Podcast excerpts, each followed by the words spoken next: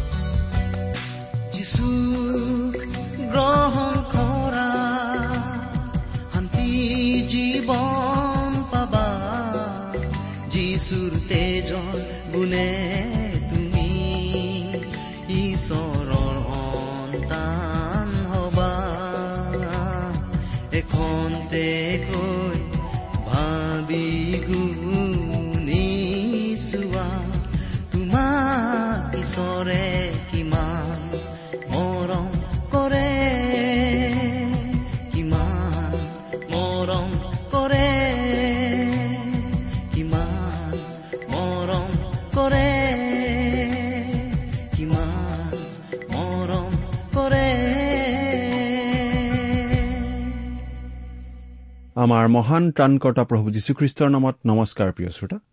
আশা কৰো আপুনি ভালে কুশলে আছে। লগতে আমি এই বুলিও আশা কৰিছো যে আপুনি আমাৰ এই ভক্তিবচন অনুষ্ঠানটো নিয়মিতভাৱে শুনি আছে। এই অনুষ্ঠান শুনি আপুনি কেনে পাইছে সেই কথা জনাই আমালৈ চিঠি লিখিবচোন। আপুনি কি জানি ভাবিছে আমিনো এই চিঠি লিখাৰ কথাটো সদায় কিয় কৈ থাকো? নহয় জানো? আচলতে আমি শ্ৰোতাসকলৰ পৰা চিঠি পালেহে জানিব পাৰো আমাৰ এই অনুষ্ঠানটো ৰাইজে শুনি আছে বুলি। লগতে এই অনুষ্ঠানটোৰ গুণাগুণৰ বিষয়েও আমাৰ ধাৰণা এটা হয়। কোনোবাই শুনি উপকৃত হোৱা বুলি জানিব পাৰিলে আমি কাম কৰি যোৱাত উৎসাহ পাওঁ। গতিকে অনুগ্ৰহ কৰি আজি এই দুখাৰিমান লিখি পঠিয়াওকচোন। খ্ৰীষ্টীয় বিশ্বাস সম্বন্ধে কিবা জানিবলগীয়া কথা থাকিলেও আমালৈ লিখিব পাৰে। আহকচোন সদায় কৰি অহাৰ নিচিনাকৈ আজিও আমাৰ বাইবেল অধ্যয়ন আৰম্ভ কৰাৰ আগতে খন্তেক প্ৰাৰ্থনাত মূৰ দুৱাওঁ। আমি প্ৰাৰ্থনা কৰো স্বৰ্গত থকা মহান পিতৃ ঈশ্বৰ তোমাৰ মহান নামৰ ধন্যবাদ কৰো। তুমি সৰ্বশক্তিমান সৰ্বব্যাপী সৰ্বজ্ঞানী ঈশ্বৰ। তুমি আমাক প্ৰেম কৰোতা ঈশ্বৰ। তুমি আমাক ইমানেই প্ৰেম কৰিলা যে আমাক উদ্ধাৰ কৰিবলৈ তোমাৰ একেজাত পুত্ৰ যীশুখ্ৰীষ্টকেই আমালৈ দান কৰিলা। তেওঁ ক্ৰুচত প্ৰাণ দি আমাৰ সকলো পাপৰ প্ৰায়চিত্ৰ কৰিলে আৰু তৃতীয় দিনা জি উঠি নিজৰ ঈশ্বৰত্বৰ প্ৰমাণ দিলে। আজি তেওঁত বিশ্বাস কৰি আমি পৰিত্ৰাণ লাভ কৰিব পৰা হৈছো আৰু তোমাক পিতৃ বুলি মাতিব পৰা হৈছো। তাৰ বাবে তোমাক অশেষ ধন্যবাদ পিতা। এতিয়া আমি তোমাৰ মহান বাক্য বাইবেল শাস্ত্ৰ অধ্যয়ন কৰিবলৈ ওলাইছো। প্ৰাৰ্থনা কৰিছো পিতা। তুমি আমাক তোমাৰ বাক্য বুজিবলৈ সহায় কৰা আৰু আমাৰ প্ৰতিজনৰ আগত তুমি নিজকে অধিককৈ প্ৰকাশ কৰা। আমাৰ মৰমৰ শ্ৰোতাসকলৰ জীৱনত তোমাৰ আশীৰ্বাদ উপচি পৰিবলৈ দিয়া কিয়নো এই প্ৰাৰ্থনা আমাৰ পাপৰ প্ৰায়চিত্ৰ কৰিবলৈ ক্ৰুচত প্ৰাণ দি তৃতীয় দিনা পুনৰ জি উঠি এতিয়া স্বৰ্গত আমাৰ বাবে নিবেদন কৰি থকা ত্ৰাণকৰ্তা প্ৰভু যীশুখ্ৰীষ্টৰ নামত আগবঢ়াইছো।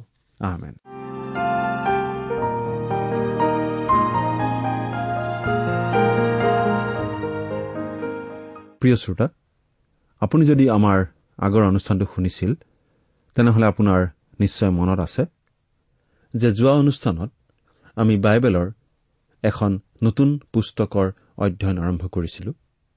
পুস্তকখন হৈছে বাইবেলৰ পুৰণি নিয়ম খণ্ডৰ হিতুপদেশ নামৰ পুস্তকখন। কিন্তু যোৱা অনুষ্ঠানত আমি সেই হিতুপদেশ পুস্তকখনৰ এটা পৰিচয় মাত্ৰ আগবঢ়ালো। কিন্তু আজিৰ অনুষ্ঠানত আমি পুস্তকখন আলোচনাৰ কাৰণে হাতত ল'ব খুজিছো। আজিৰ অনুষ্ঠানত আমি এই হিতুপদেশ পুস্তকৰ প্ৰথম অধ্যায়টো আলোচনা কৰিম। প্ৰিয় শ্ৰোতা বহুতে ভাবে যে হিতুপদেশ পুস্তকত হৃদয় স্পৰ্শ কৰা কোনো কাহিনী বা বাণী নাই। পবিত্ৰ আত্মাৰে পৰিচালিত হৈ যিসকলে এই পুস্তকৰ নীতিবচনসমূহ অধ্যয়ন কৰে তেওঁলোকে কিন্তু সেইদৰে ক'ব লগা নহয়। কাৰণ তেওঁলোকে ইয়াৰ নীতিবচনসমূহৰ মাজেৰে প্ৰত্যেক মানুহৰেই চৰিত্ৰ প্ৰতিফলিত হোৱা দেখা পায়। আপোনালোকৰ এই তাৎপৰ্যহীন দাসেও এই পুস্তকখন অধ্যয়ন কৰি দেখিছো। যে ইয়াৰ প্ৰায় প্ৰতিটো অধ্যায়তেই এই তাৎপৰ্যহীন দাসৰ ছবি দাঙি ধৰা হৈছে। সকলোৰে বাবেই ইয়াত বাণী আছে তাক আমি আটাইয়েই একমুখে স্বীকাৰ কৰিব লাগিব সঁচা। কিন্তু তথাপি নীতিবচনসমূহৰ যোগেদি ইয়াত যি বাণী দিয়া হৈছে সেইবিলাক বিশেষভাৱে যুৱক যুৱতীসকলক লক্ষ্য কৰি দিয়া হৈছে। আগৰ দিনবোৰত যেনেকৈ আজিও তেনেকৈয়ে যুৱক যুৱতীসকলে তেওঁলোকৰ জীৱনৰ অজস্ৰ প্ৰশ্নৰ উত্তৰ বিচাৰে। এই পুস্তকৰ নীতিবচনসমূহৰ মাজেৰে তেওঁলোকে তেওঁলোকৰ বহুতো প্ৰশ্নৰ উত্তৰ বিচাৰি পাব পাৰে। কিন্তু এটা কথা নিজৰ ভাল লগা বিধৰ ওৰ এটা তোৰ এটা নীতিবচন বিচাৰি পঢ়াৰ দ্বাৰা যুৱক যুৱতীসকলে তেওঁলোকৰ জীৱনৰ প্ৰশ্নৰ উত্তৰসমূহ বিচাৰি নাপাব। বৰং খৰচী মাৰি এফালৰ পৰা প্ৰথমটো অধ্যায়ৰ পৰা শেষৰটো অধ্যায়লৈকে অধ্যয়ন কৰিলে নিঃসন্দেহে তেওঁলোকৰ জীৱনৰ বহু প্ৰশ্নৰ উত্তৰ বিচাৰি পাব পাৰে। এক নম্বৰ অধ্যায়ৰ এক নম্বৰ পদটো পাঠ কৰিছো শুনক। বা বাইবেল যদি হাতত লৈছে চাই যাওক। ইছৰাইলৰ ৰজা ডায়ুদৰ পুত্ৰ চলোমনৰ নীতিবচন যিসকল শ্ৰোতাই বাইবেল মেলি লৈছে সেইসকলে চাগে ভাবিছে ৱা এক নম্বৰ পদটো পাঠ কৰা বুলি কৈ দেখোন এক নম্বৰ পদত নথকা কথা পাঠ কৰিছে? আপুনি ঠিকেই ধৰিছে প্ৰিয় শ্ৰোতা। মই পাঠ কৰা কথাখিনি এক নম্বৰ পদত নাই চাৰি নম্বৰ পদতহে আছে।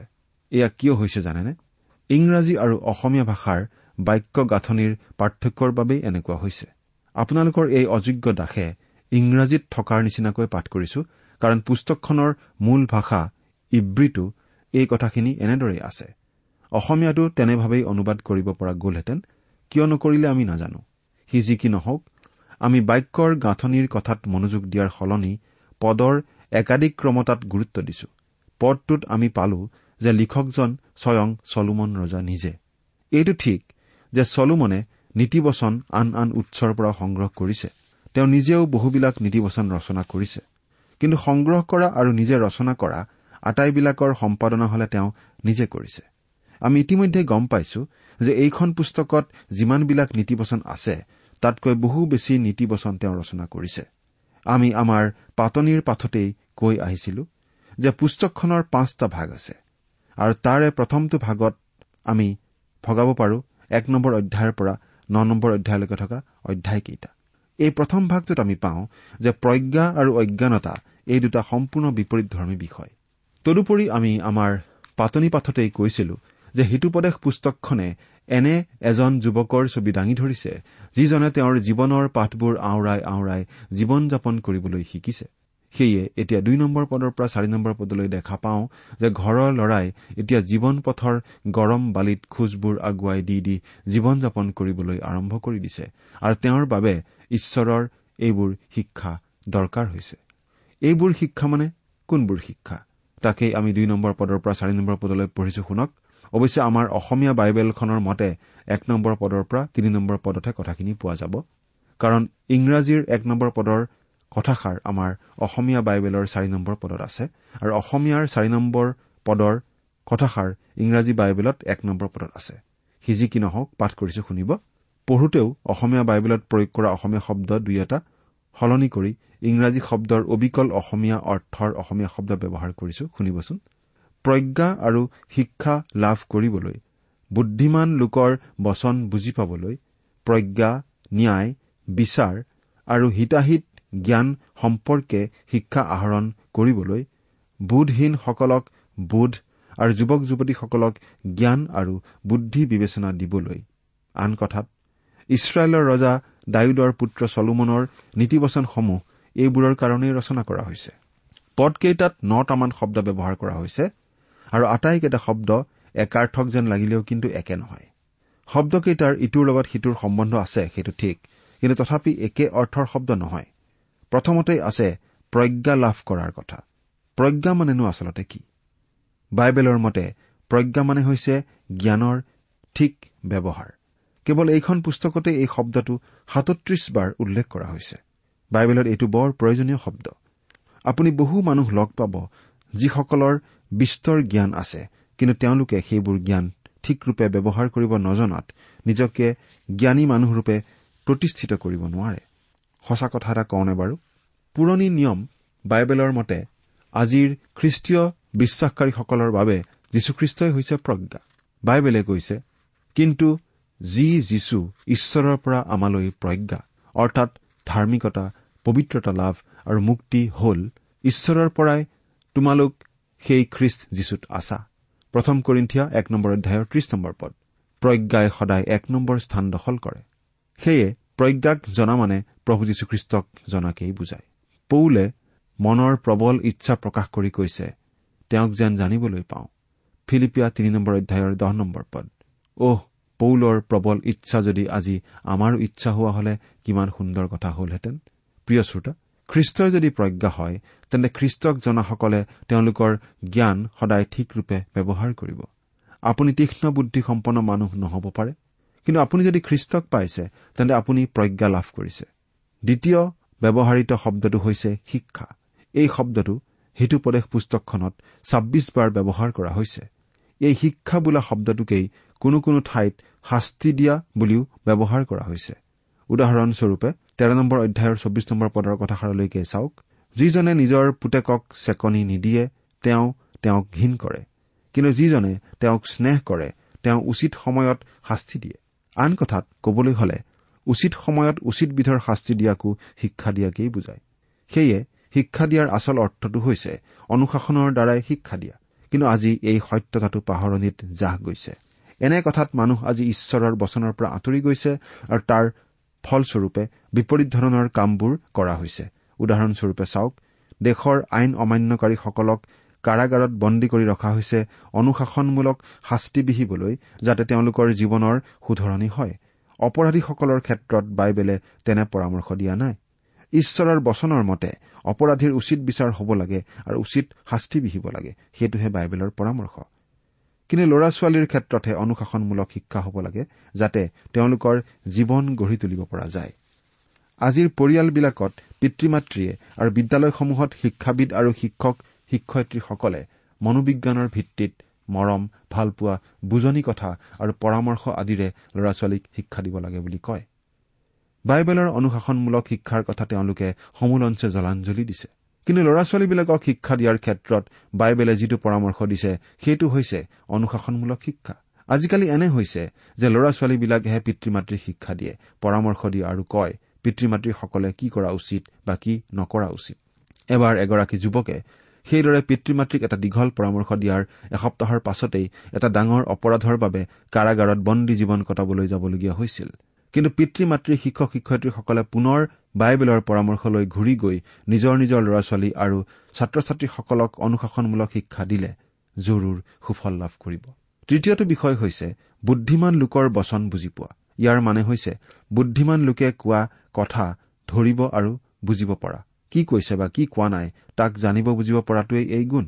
ঈশ্বৰে বিচাৰে যেন আমি আমাৰ বুদ্ধি আমাৰ কাণ্ড জ্ঞান আৰু উপস্থিত বুদ্ধি শুদ্ধভাৱে ব্যৱহাৰ কৰো। চতুৰ্থটো বিষয় হৈছে ন্যায়। ন্যায় মানে হৈছে ধাৰ্মিকতা আৰু সেয়ে ইয়াৰ সম্পূৰ্ণ অৰ্থ হৈছে ন্যায় জীৱন আচৰণ। ঈশ্বৰে যিটো ঠিক বুলি কৈছে সেইটোৱেই ন্যায়। আপুনি সুধিব পাৰে এইটো কৰিলে অন্যায় কৰা নহবনে? ঈশ্বৰে যদি কৈছে যে সেইটো কৰিলে অন্যায় হ'ব নিশ্চয় অন্যায় হ'ব। ঈশ্বৰে যদি কৈছে সেইটো কৰিলে অন্যায় হ'ব তেন্তে ন্যায় নে অন্যায় হ'ব সেয়া আমাৰ বিচাৰৰ বা আমাৰ ঘোষণাৰ কথা নহ'ব। ঈশ্বৰে যি কৈছে সেয়াই ন্যায় বা অন্যায়। গতিকে ন্যায় মানে হৈছে ঈশ্বৰে কবলৈ দিয়াৰ দৰে কোৱা ঈশ্বৰে কৰিবলৈ কোৱাৰ দৰে কৰা আৰু ঈশ্বৰে চলিবলৈ দিয়াৰ দৰে চলা। পোহৰ আৰু অন্ধকাৰ যেনেকৈ আমাৰ ব্যাখ্যাভিত্তিক বিষয় নহয় তেনেকৈ ন্যায় আৰু অন্যায়ো আমাৰ ব্যাখ্যাৰ প্ৰয়োজন হোৱা বিষয় নহয়। পোহৰ যেনেকৈ পোহৰ আৰু অন্ধকাৰ যেনেকৈ অন্ধকাৰে ঠিক তেনেকৈ ন্যায় ন্যায়েই অন্যায় অন্যায়েই। পঞ্চম বিষয়টো হৈছে বিচাৰ। ইয়াৰ অৰ্থ হৈছে আমি বিচাৰ বিবেচনা কৰি এটা সঠিক সিদ্ধান্তত উপনীত হ'ব লাগে। বিশ্বাসকাৰী এজনে যেতিয়া তেওঁৰ জীৱনৰ বাটৰ চাৰিআলিত উপস্থিত হয় তেতিয়া তেওঁ এটা জৰুৰ সিদ্ধান্ত ল'ব লাগিব। তেওঁনো কোন বাটেদি যাব? ষষ্ঠতে আমাৰ অসমীয়া ভাষাৰ বাইবেলত যথাৰ্থতাৰ কথা কোৱা হৈছে। এয়া কি বস্তু? আচলতে এয়া হৈছে হিতাহিত জ্ঞান। এয়া জীৱন আচৰণৰ এটা নীতি। জীৱন আচৰণৰ বাবে ঈশ্বৰে তেওঁৰ সন্তানসকলক কঠোৰ নিয়মাৱলীৰ অধীনত নাৰাখে। কিন্তু জীৱন আচৰণৰ কাৰণে কিছুমান প্ৰয়োজনীয় নীতি দিছে আৰু হিতাহিত জ্ঞান ব্যৱহাৰ হৈছে তাৰেই এটা। বাইবেলে কৈছে যিজনে যিহক যোগ্য জ্ঞান কৰি সেই বিষয়ে নিজক দোষাৰোপ নকৰে। সেইজন লোক ধন্য। ৰমিয়া চৈধ্য অধ্যায় বাইশ নম্বৰ পদ। অৰ্থাৎ হিতাহিত জ্ঞান এনে এটা নীতি যি নীতি ব্যৱহাৰ কৰি কোনো সিদ্ধান্ত ললে সেই সিদ্ধান্তৰ বাবে আপুনি কেতিয়াও নিজক দোষাৰোপ কৰিবৰ প্ৰয়োজন নহ'ব। সপ্তমতে বোধহীনসকলক বোধ দিয়াৰ কথা কোৱা হৈছে। আন কথাত অবিবেচকসকলক বিবেচক হবলৈ বা আগ পাছ গুণি কথা কবলৈ সিদ্ধান্ত ল'বলৈ বা কাম কৰিবলৈ শিকোৱাৰ কথা কোৱা হৈছে। বোধ শক্তি ব্যৱহাৰ কৰা জীৱনৰ বাবে অতি প্ৰয়োজন। তাকেই হ'ব পাৰিবলৈকে প্ৰভু যীশুৱে তেওঁৰ অনুগামীসকলক সৰ্পৰ দৰে বুদ্ধিয়ক আৰু কপৌৰ দৰে সহজ সৰল হবলৈ কৈছিল। মাৰ্কে লিখা শুভবাৰ্তা দহ নম্বৰ অধ্যায়ৰ ষোল্ল নম্বৰ পদত আমি এনেদৰে পাওঁ। অষ্টমতে জ্ঞানৰ কথা কোৱা হৈছে।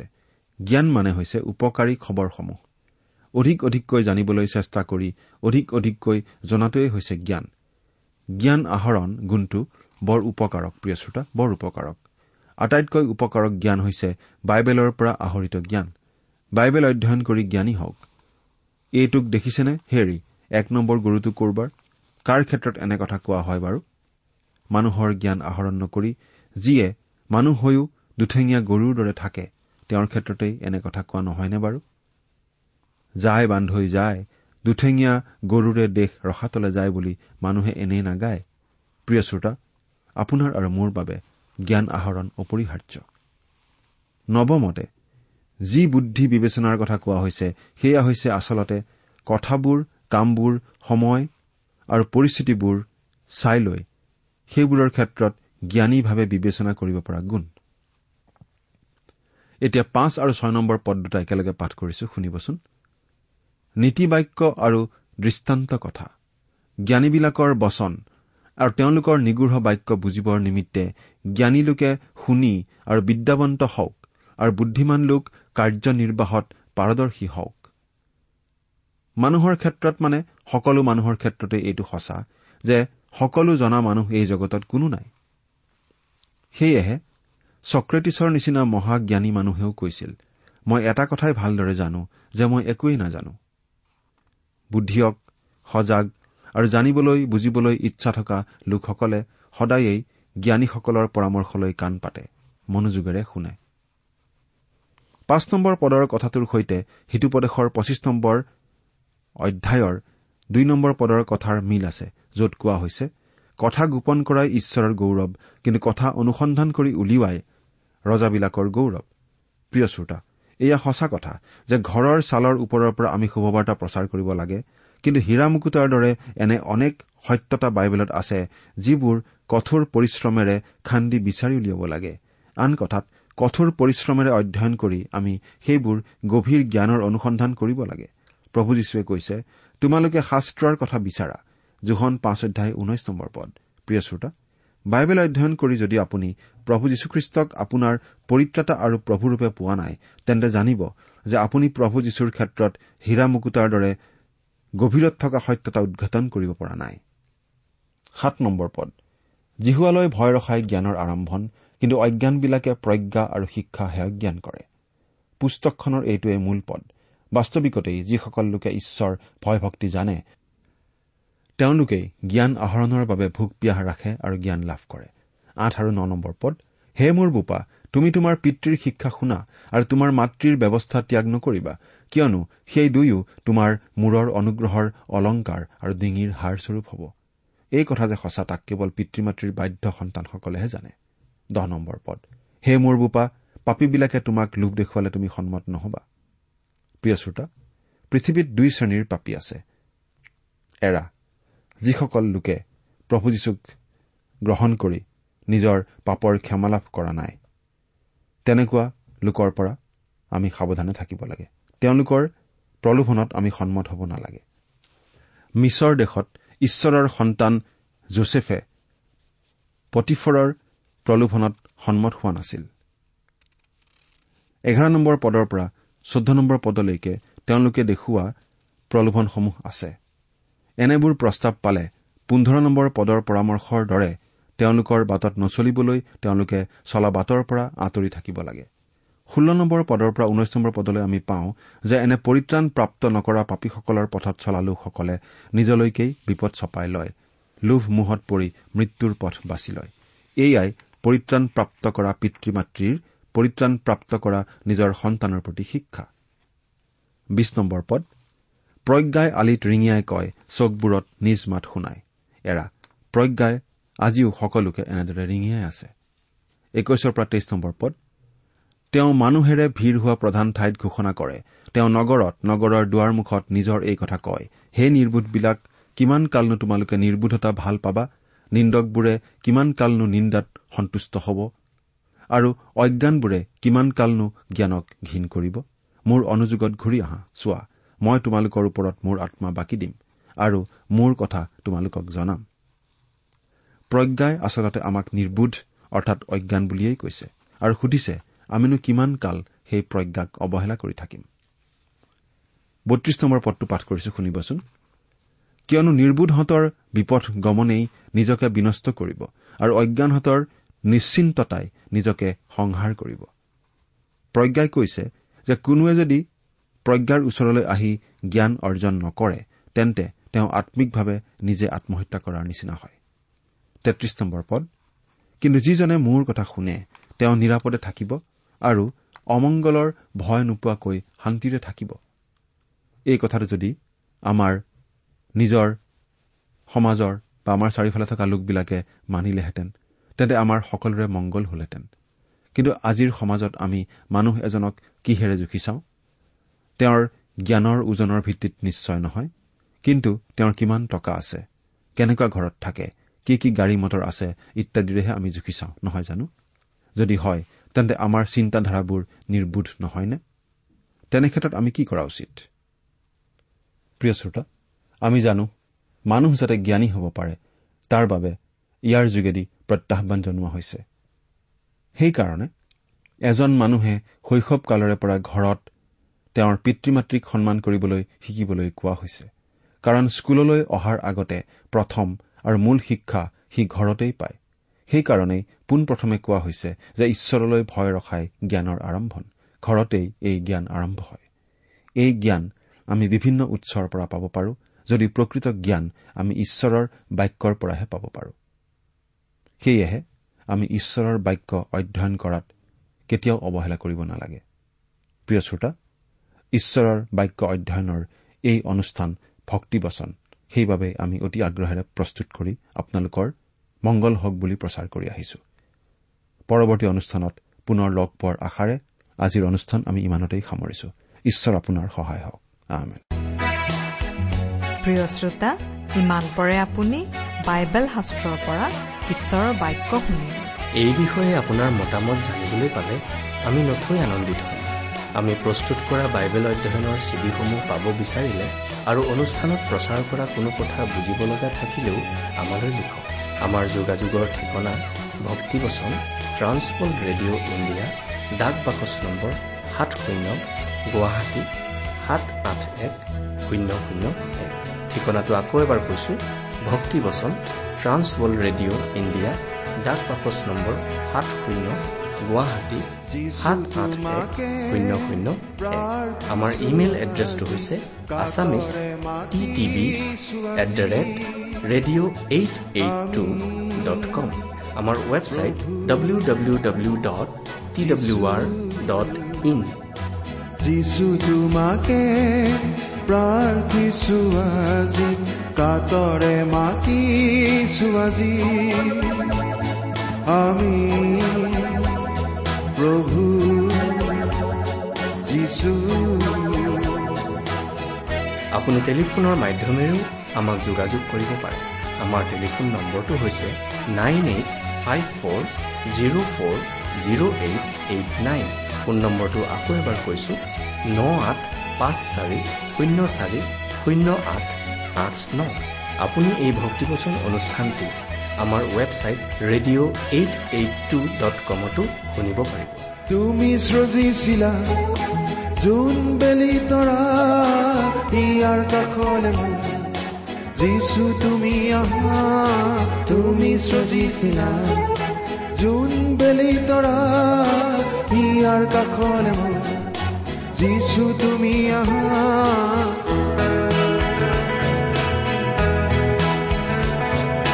যিছু তোমাকে প্ৰাৰ্থিছো আজি কাতৰে মাতিছো আজি আমি প্ৰভু যিছু যিছু তোমাকে প্ৰাৰ্থিছো আজি কাতৰে মাতিছো আজি আমি প্ৰভু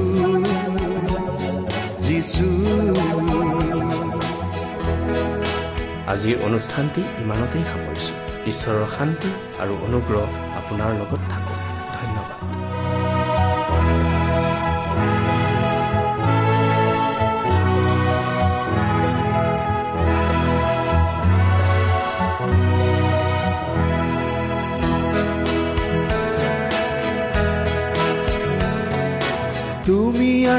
আহিছিলা এই জগতলৈ আমাৰ সকলোকে জীৱন দিবলৈ তুমি আহিছিলা।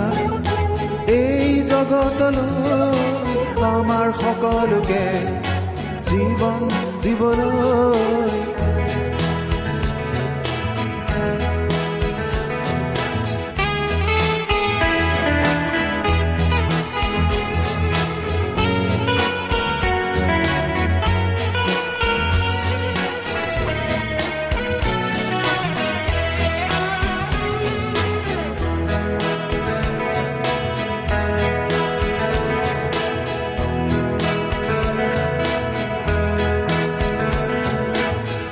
তোমাৰ প্ৰেমৰ কথা।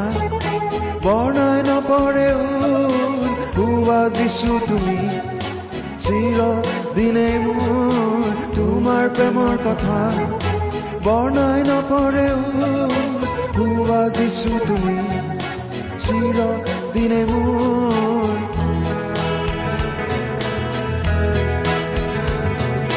যিছু তোমাকে প্ৰাৰ্থিছো আজি। কাতৰে মাতিছো আজি আমি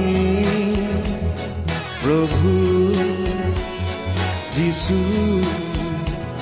প্ৰভু যিছু প্ৰভু যিছু প্ৰভু যিছু